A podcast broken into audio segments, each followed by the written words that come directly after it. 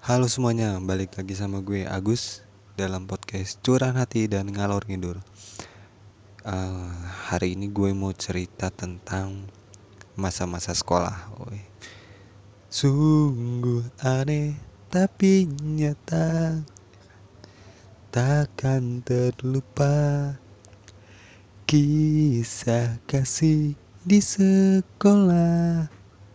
Ya itulah Nah, gue itu dari sekolah ya, sekolah dari TK, SD sampai SMP sampai SMA.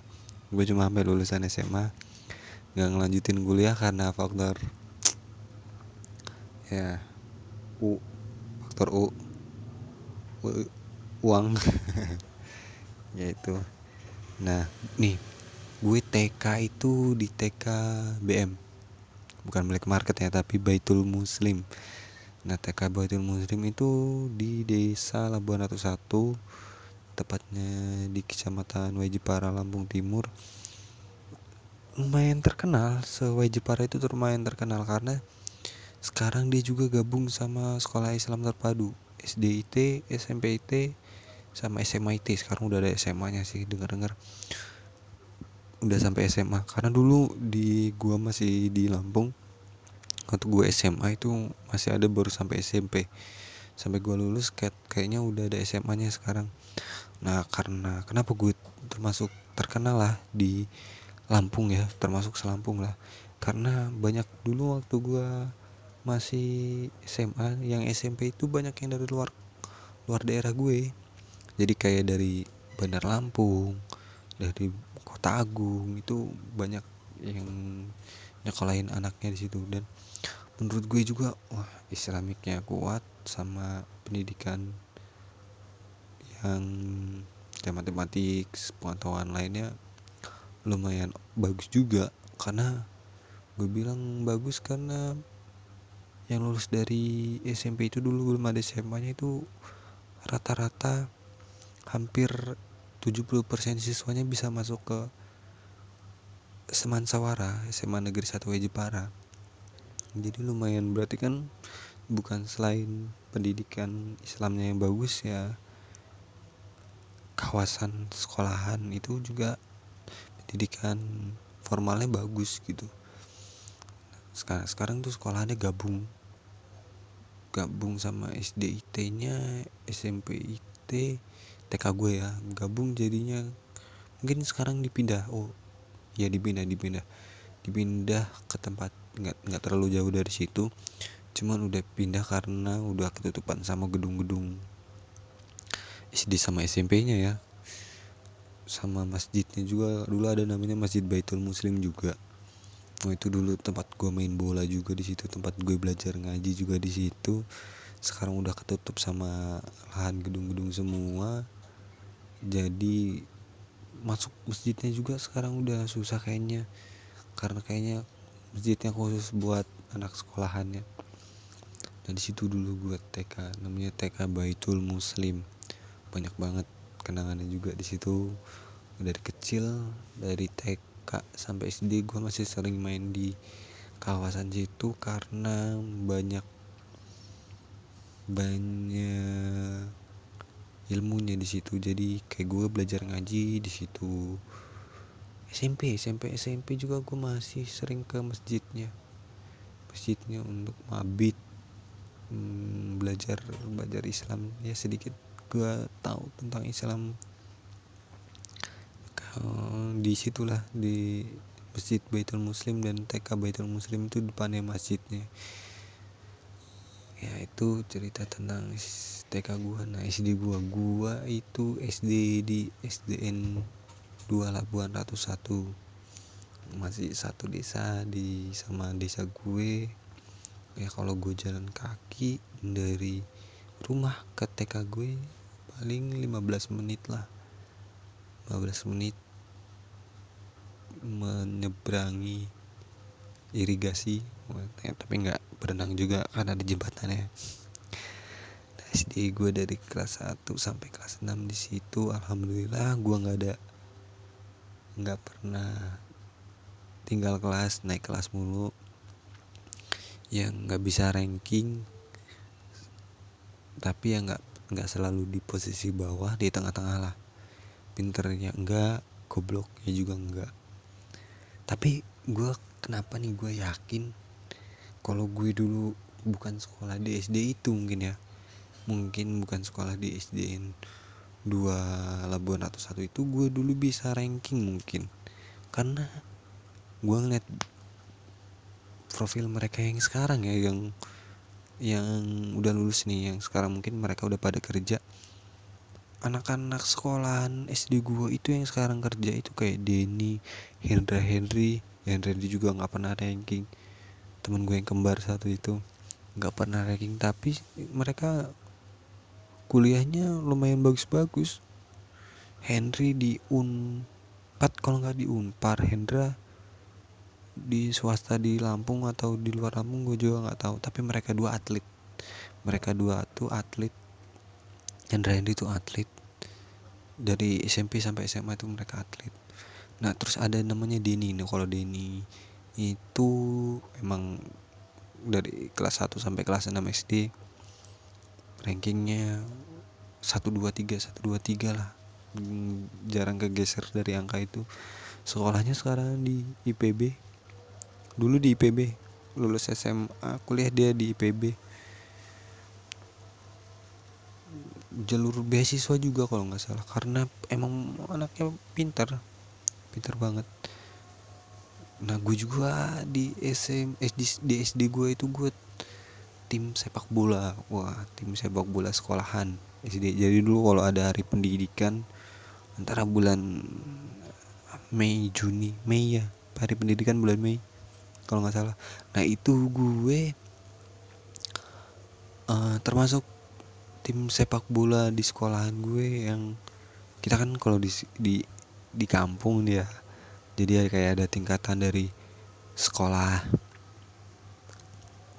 sekolah tingkatan uh, ke, bukan kecamatan kayak desa tapi desa yang desa yang dekat-dekat. Jadi satu desa itu kan ada SDN Labuan Ratu 1 SDN 1 Labuan Ratu 1 SDN 2 Labuan Ratu 1 dan ada desa sebelah. Pokoknya digabungin dari 10 sekolahan atau 12 sekolahan gitu. Digabungin diadain lomba di situ yang terbaik berangkat ke kecamatan. Kalau kecamatan juara berangkat ke kabupaten. Nah kalau dari dari ke kabupaten tuh udah kayak pilihan lah. Nah termasuk gue dulu salah satu yang mau dipilih untuk mewakilin dari kecamatan gue itu dipilih beberapa orang tiga atau empat orang untuk mewakilin kecamatan itu gue termasuk tapi nggak sampai ke kabupaten. Jadi kayak ada info apa lagi gue nggak juga nggak tahu. Terus nggak jadi berangkat mewakilin kabupaten gitu. Kualifikasi di kecamatan juga nggak jadi jadi kayak nggak tahu apa problemnya. Soalnya gue pernah diomongin sama guru olahraga gue waktu SD nanti ada kesempatan buat ikut seleksi di kecamatan buat ke kabupaten. Tapi habis itu nggak ada kabarnya lagi. Nah di SD juga termasuk gue punya rasa suka ya dibilang cinta monyet lah sama lawan jenis. Hmm, namanya ya nggak usah disebutin lah. Ada namanya. Wah dia cantik. Gue di satu sekolahan SMP satu sekolahan. SMA enggak dia di SMA negeri satu Wajipara gue di SMA Teladan Wajipara ya cuman deketan jadi gue masih tahu dia kayak gimana kayak gimana ya perkembangan dia kayak gimana. Cantik anaknya bos. Cantik banget bro. Cuman gue nggak bisa ngungkapin. Banyak yang suka juga sama dia. Gue tahu diri lah. Muka pas-pasan juga termasuk anak yang pinter. Nah itu gue bilang di sekolahan gue itu banyak banget anak-anak pinternya di SD gue itu. Nah dan di SMP gue masuk di SMP negeri satu Jepara kenapa gue bilang gue termasuk anak pinter? Ya karena itu gue bisa masuk ke SD SMP negeri 1 Jepara nah di SMP negeri 1 Jepara tuh seleksinya waduh pusing bos itu ada sekolah termasuk terkenal se Jepara ya. Sekecamatan gue paling terkenal siswanya paling banyak.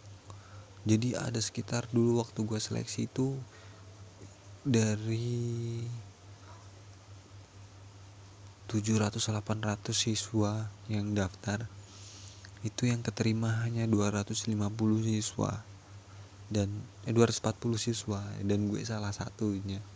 Bangga nggak gue? Keluarga gue juga bangga. Dulu gue nggak pernah bisa dari keluarga gue belum ada yang masuk ke SMP negeri 1 Jepara dan gue pertama kalinya. Dan setelah itu ada ponakan-ponakan gue masuk di situ. Jadi ya gue kayak pembuka gerbangnya. Nah gue di, di di SMP juga masih berteman sama Hendra Henry Denny Yudhistira teman SD gue si yang cewek si Aprilia Isma Delila terus Medayama banyak teman-teman SM SD gue yang masuk ke situ yang pintar-pintar wah gue bilang gue bangga loh. Gue bangga dulu tuh masuk SMP negeri satu gue Jepara. Karena yang gue banggain tuh dari anak nih yang kata kasarnya dari SD sampai eh dari kelas 1 sampai kelas 6 rankingnya 1 2 3 4 5 6 itu pada masih bersaing lah. Nah gue masuk dalam jajaran itu yang gue nggak pernah ranking yang gue nggak pernah dapet ranking 1 sampai 10 ya gue SD ada pernah dapat ranking 7 di kelas 1 atau kelas 2 habis itu nggak pernah lagi ranking di bawah di 10 besar itu nggak pernah ya belasan besar lah. Jadi gue masuk ke SMP Negeri 1 Wajibara termasuk bangga gue karena banyak yang di atas gue juga. Nggak yang nggak yang masuk. Jadi nggak masuk ke SMP Negeri 1 Wajipara nah gue dulu kelas 1 SMP nya di 74 jadi kalau kelas 1 SMP kan 7 nah gue 7D 74 nah dulu 74 bukan 7D nah 74 masuk satu kelas sama gue itu si Denny yang teman SD gua. Si Hendra Henry itu di 72 terus ada temen gue lagi yang pinter itu masuk di 71 73 juga ada 75 76 juga ada tapi ngacak kalau itu dulu ngacak. Jadi belum nggak sesuai sama nilai. Jadi kalau mungkin kalau sesuai nilai gue masuk di 7 76 kelas paling belakang bray. Kelas paling belakang karena gue emang dapet lembar paling belakang dulu. Tapi masuk gitu berarti kan gue walaupun kata kasar urutan dari 200 gue bukan urutan yang ke 700 atau ke 800 berarti kan gue termasuk ter ya. nah gue masuk 74 mulailah ke S ke SM eh, kelas 8 itu mulai dilihat dari nilai. Mulai dimul, dilihat dari nilai dari uh, total total nilai yang dikumpulin dari semester 1 sampai semester 2 digabung nah itu baru diurutin jadi sesuai kelas nah Lu tahu gue masuk kelas berapa? 8D? Enggak dong. 86 enggak dong. Gue masuk ke 83. Berarti kan ada perkembangan gue. Dari 74 kata saya itu bolehlah diajak. Dari lembar terakhir gue bisa masuk ke 83 berarti kan ada sesuatu yang nggak bisa gue banggain ya kenapa podcast gini hari ini? Gue ngebanggain diri gue sendiri ya. Nggak apa-apa lah sekali-kali ya gue ngebanggain diri gue sendiri. Nah terus sekolah gue mulai banyak belajar di situ. SMP gue nggak terlalu mikirin perempuan ya. Iya gue nggak terlalu mikirin perempuan. Gue itu masuk lebih ngejar ke ekstrakurikulernya. Gue di SMP itu main ikut ekstrakurikuler bola basket ya sedikit lah gue ikut basket. Pramuka gue ikut. Ikut pramuka. Wah pramuka di sekolah juga itu termasuk masuk pramuka situ tuh termasuk pramuka yang terkenal. Misalnya pramuka pramuka gue itu SMP namanya Gatam Garuda Hitam. Wah itu terkenal sesuai Jepara lah kuat banget pramukanya. Pendidikannya juga kuat ospeknya juga kuat. Ospeknya nih juga ospeknya kalau di SMP gue gue di SMP nggak terlalu dikenal ya karena cupu mungkin. Ya gue dulu kecil cupu banget. SMP tuh gue cupu baju masih yang, lainnya pada dikeluarin gue masih dimasukin Henry Henry itu udah keluar sekolah orang yang paling terkenal lah. Dia di SMP negeri itu kenal karena gantengnya karena jago olahraganya. Nah Henry itu kalau di bola itu dia penyerang kalau Hendra itu kiper. Jadi dulu gue juga ngewakilin sekolahan gue untuk berangkat ada namanya kalau di sekolahan dulu kayak kayak olimpiade gitulah. Kalau pendidikan kan kayak olimpiade fisika kimia dan lain-lain. Nah kalau ini gue ikut olimpiade yang olahraga gue ikut bola. Nah di situ tuh Hendra Henry terkenal. Bikin dia bisa masuk ke SMP negeri eh SMA negeri SMA negeri Jepara pakai jalur ini ekstrakurikuler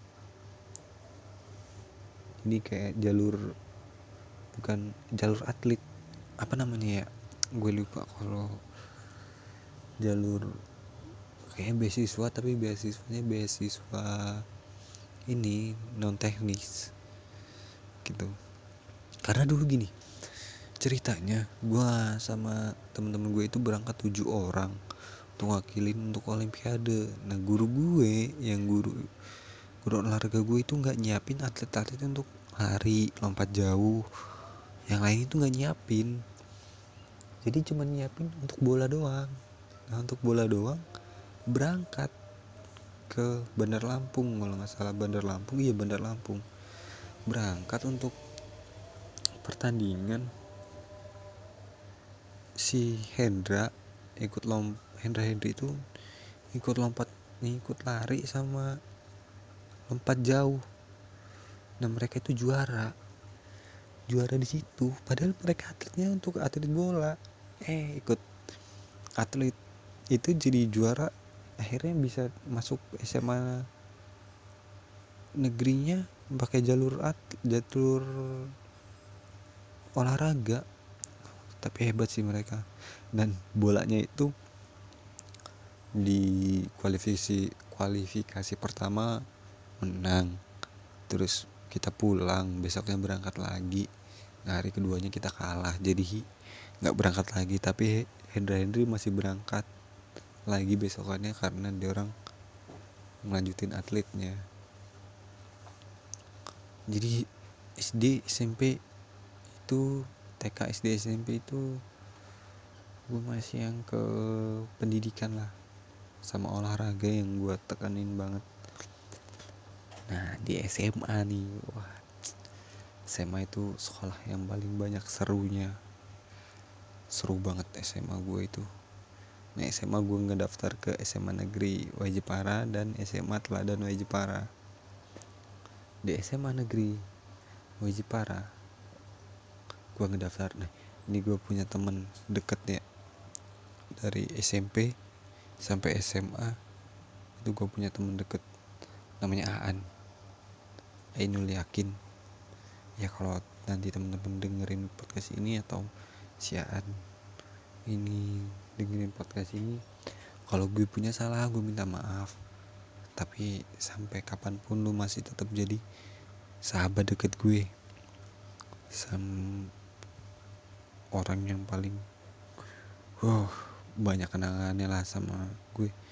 Keluarga gue aja deket sama dia. Sampai sampai sekarang mungkin ya keluarga gue. Akrab banget lah sama Aan. Karena dia Aan dulu pernah tinggal sama gue juga sebulan atau dua bulan dia tinggal di rumah gue. Jadi sama nenek gue akrab sama bibi gue akrab sama kakek gue akrab. Baik banget orangnya. Nah gue itu dulu daftar jadinya samaan di SMA negeri berdua-duaan daftar tes gak lolos. Gue sih biasa aja ya nggak lolos. Waktu itu nih gue inget banget kejadian waktu itu tuh gue biasa aja nggak lolos. Ya gue sih kayak maklum lah mungkin emang batas pendidikan gue cuma sampai segitu gak yang bisa penuh tapi gue entah kenapa gue yakin tuh ya paling kalau ada lembar keempat gue di lembar eh semua itu kan SMA juga itu 240 yang diterima. Mungkin kalau ada lembar ke kan satu sekolah itu isinya 40 4 berarti 6 lembar kalau ada lembar ketujuh mungkin gue samaan ada di lembar, di lembar ketujuh. Kayak cadangan oh ya gue masuk cadangan masuk ke cadangan cuman nggak bisa masuk. Karena gue denger denger banyak yang dulu di kursi ya jadi masuk tadinya nggak masuk tahu-tahu masuk gitulah di kursi. Nah banyak juga nih teman-teman gue yang gue sangka blok on yang nggak pinter-pinter banget di sekolahan masuk ke sekolah negeri SMA negeri wajib parah wah gue tuh nggak habis pikir tapi ya mau gimana. Nah gue inget kejadian AA nih Ainul yakin gue inget banget habis selesai tes eh habis selesai pengumuman nggak lolos gue pulang samaan gue bilang sama udahan kita daftar ke SMA Teladan aja.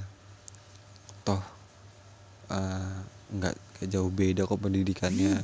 Karena gue tahu pendidikannya jauh nggak jauh beda karena guru-guru SMA Teladan itu ngajar di SMA negeri. Guru-guru SMA negeri juga ngajar di SMA teladan. Jadi ya kualitasnya sama. Apalagi swasta mereka dibayar oleh murid. Ya kata gue pasti pendidikannya nggak jauh beda. Yang diajarkan tuh nggak jauh beda. Nah ya udahlah kata ayo kita daftar nah si Aan saking mungkin frustasi ya nggak keterima. Jadi jalan ke SMA Teladan itu belok kiri dia lurus saja bawa motor tuh lurus saja nah gue nggak nggak mikir yang macam-macam ya. Gue pikir oh dia mau ke pasar dulu atau ke mana buat beli sesuatu gitu buat tenangin diri dia. Nah terus setengah perjalanan gue nanya ke An. An kita mau ke mana An? Ya lu gimana sih Gus? jawaban dia. Kan kita mau ke SMA Teladan. Kan lu yang ngajakin gue ngedaftar di SMA Teladan. Terus gue bilang sama An An lu nggak lagi stres kan? Nggak lagi frustasi kan? Kenapa emang? jawab dia kan kalau SMA Teladan di sono tadi aturnya belok kiri. Kok lu masih lurus aja? Uh, iya Gus kata dia. Gue sedih gue nggak masuk SMA negeri. Udahan yakin aja kata gue pasti ada jalannya kok. Ya kita nggak di negeri di swasta juga.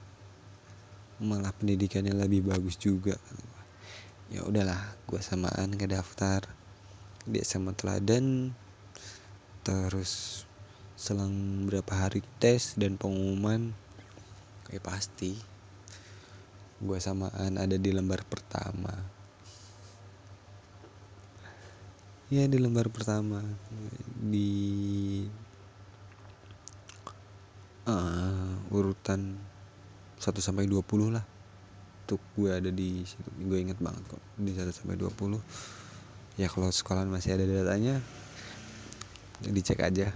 Tahun 2007 angkat tahun pelajaran 2007 2008 pas tes siapa yang nomor urutan dari 1 sampai 20 pasti ada nama gue.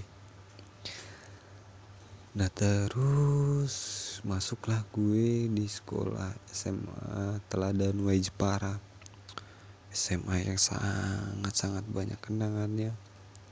SMA yang di mana gue bisa gimana ya ekspresiin semuanya lah di situ.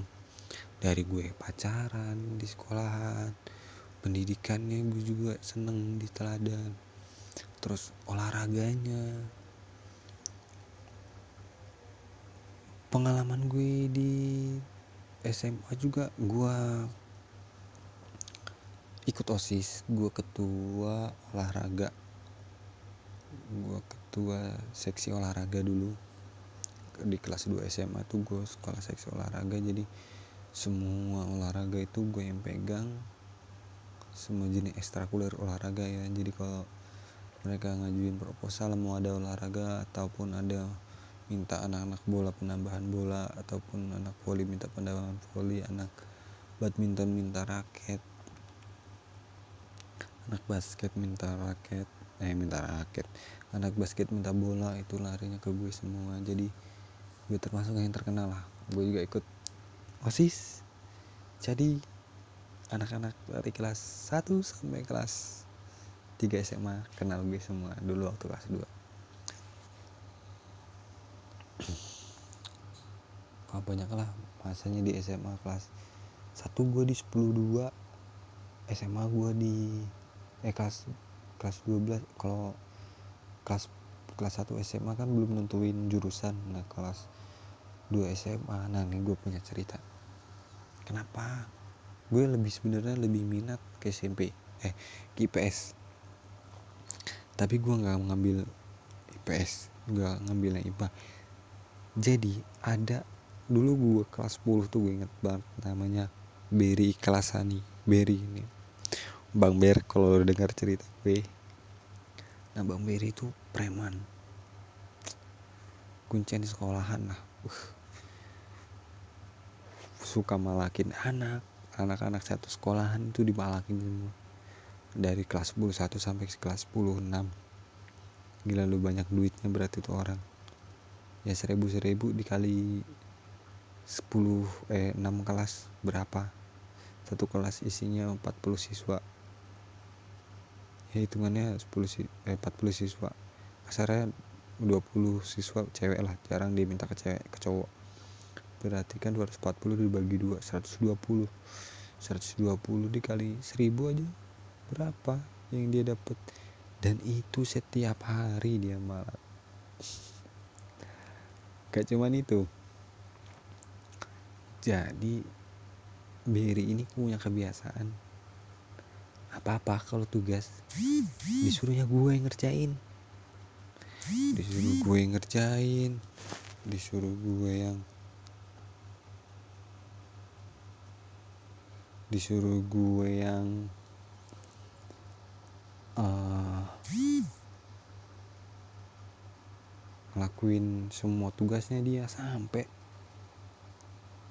mau naik kenaikan kelas itu dia dikasih tugas sama sama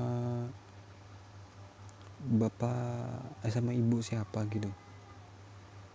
Sama ibu kesenian suruh buat kesenian. Kalau nggak dia nggak dinaikin kelas. Itu gue yang buatin. Gue bikin asbak dari Lempung men. Bikin asbak dari Lempung gue buatin buat dia. Nah gue di kelas 10 juga itu banyak banget kenangannya. Dan gue ada temen satu kelas namanya Almarhum Yusuf. Wah sedih dah gue kalau inget dia. Karena almarhum Yusuf ini tim sepak bola gue juga. Dulu gue kelas 1 SMA itu udah punya tim sepak bola. Jadi di sekolah gue itu ada tim sekolah A eh tim sepak bola A sama tim sepak bola B nah kalau tim sepak bola itu masih senior semua lah kelas kelas 1 kelas 2 sama kelas 3 itu masuknya tim sepak bola A. Dan gue masuk tim sepak bola B. Nah gue sama Yusuf itu termasuk tim sepak bola B. Temen gue akrab main bareng ke mana-mana bareng. Dia doyan mabok dia doyan minum sama temen-temennya. Tapi kalau mabok sama gue nggak pernah gue juga belum kenal kenal mabok. SMA kelas 2 atau kelas 3 baru kenal mabok. Kalau kelas 1 belum terlalu. Nah itu jadi kejadiannya. Gue inget banget nih. Seharian itu kita nggak ada guru. Oh, pada bercanda-bercanda di kelas ribut. Gue inget banget kejadiannya. Nah si Berry nih yang bocahnya iseng banget.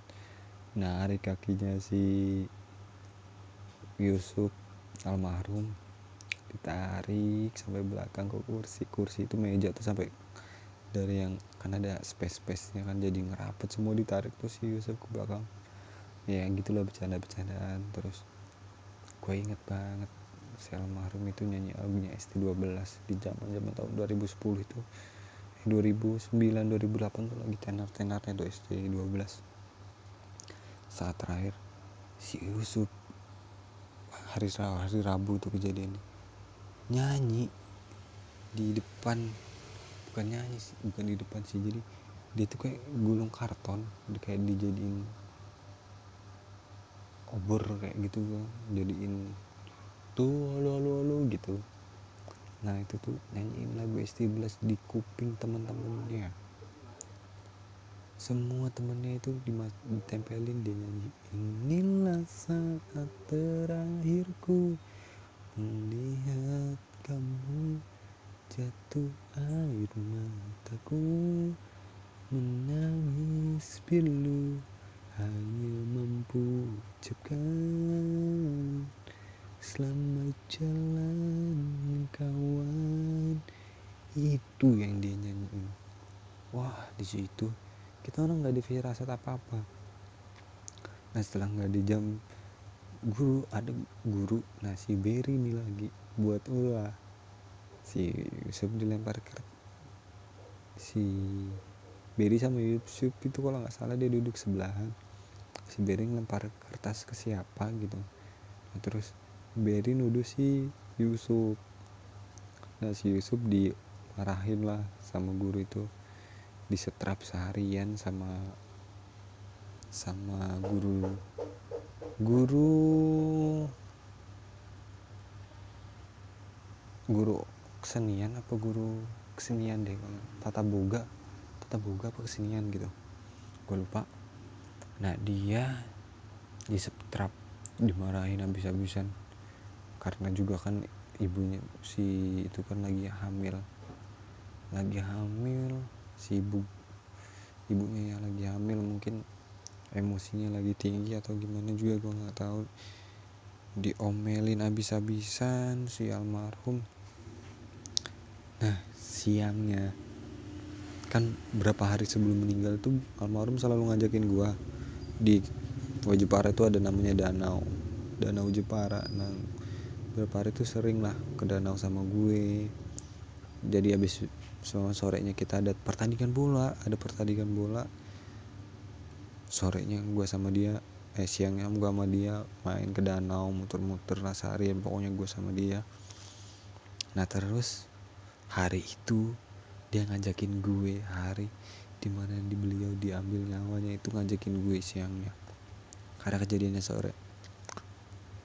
Siangnya gue diajakin dia eh Gus ikut gue yuk kata dia. Kita jalan-jalan lagi kayak kemarin. Entah apa yang gue pikirin atau kayak apa gue hari itu nolak. Ya takdir sih mungkin ya. Hari itu gue nolak wah sup gue nggak bisa hari ini. Gue kayaknya ada acara deh gue bilang kayak gitu. Nah gue nggak bisa. Gue inget banget hari ter terakhir gue ketemu media deh ya udah Gus dadah. Uh nggak biasa biasanya dia ngedadain gue men. Itu dia ngedadain gue coba kayak gue deh saya tuh nggak ada pikiran apa-apa. Nah terus gue pulang sore gue lagi nonton bola di TV paman gue ngomong paman gue juga kan. Paman gue itu dua-duanya yang satu pelatih bola yang satu juga pemain bola jadinya kenal lah tahu. Paman gue pulang. Mas namanya om nanang. Dia bilang gini Gus kamu nggak ngelayat katanya. Ngelayat siapa yang meninggal? Aku bilang kayak gitu. Teman kamu tuh yang teman main bola itu. Siapa sih yang nomor tujuh itu loh yang nomor tujuh dia emang pakai sering nomor tujuh suka siapa yang nomor 7 itu loh anaknya Pak Untung. Nama bapaknya kan Pak Untung. Pak Untung. Si Yusuf. Iya si Yusuf. Wah yang bener orang tadi aja. Ah, masih sekolah kok aku bilang kayak gitu. Orang sehat-sehat aja emang kenapa? Kecelakaan jatuh dari motor tabrakan katanya. Di simpang C. Eh di simpang H. Namanya ada tuh jalanan simpang H emang jalanan berbelok banget. Simpang H kecelakaan katanya. Yang benar iya ternyata kecelakaannya kena otak belakangnya ini di belakang kuping bolong. Jadi langsung meninggal di tempat. Wah keluarganya shock nah gue denger dari keluarganya juga dia itu sebelum meninggal pulang ke rumah. Pakai baju baju putih putih ngomong Yusuf bagus ya ama pakai baju ini. Wah pokoknya sedih lah orang gue sampai ngemakam makamin itu malam. Sore kejadian malam di makamin ikut semua itu satu sekolahan hampir. Ikut semua. Nah yang bikin kaget juga gua ngeliat ibu guru itu kan ngelayat ke tempat almarhum walaupun lagi hamil. Mitosnya kan kalau orang lagi lagi hamil nggak boleh ngelayat. Itu dia ngelayat karena ngerasa bersalah. Itu marah-marahin si almarhum Yusuf. Ini kalau pendengar gua ada nih anak SMA teladan di tahun 2008 2009 eh 2007 2008 ya 2007 2008 2008 2009 lah pokoknya. Wah ini ya SMA teladan berduka banget. Besokannya di sekolah. Gak ada yang ngomong sama sekali. Gue merinding cerita ini nggak ada yang ngobrol sama sekali nggak ada yang bercanda sama sekali. Hening kelas gue itu bener-bener hening. Kursinya almarhum gak ada yang berani dudukin wah pokoknya berkesan banget lah almarhum itu. Dan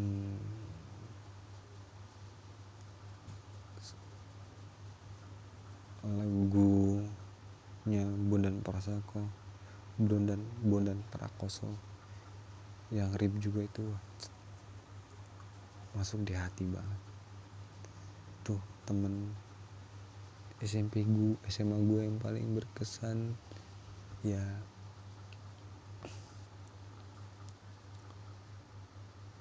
Aan Berry almarhum Yusuf itu terkesan banget gue nah terus masih banyak sih cerita yang mau gua sharing tapi segini dulu karena ini menurut gue udah kepanjangan udah 39 menit jadi nanti gua ada versi keduanya yang cerita tentang masa SMA gua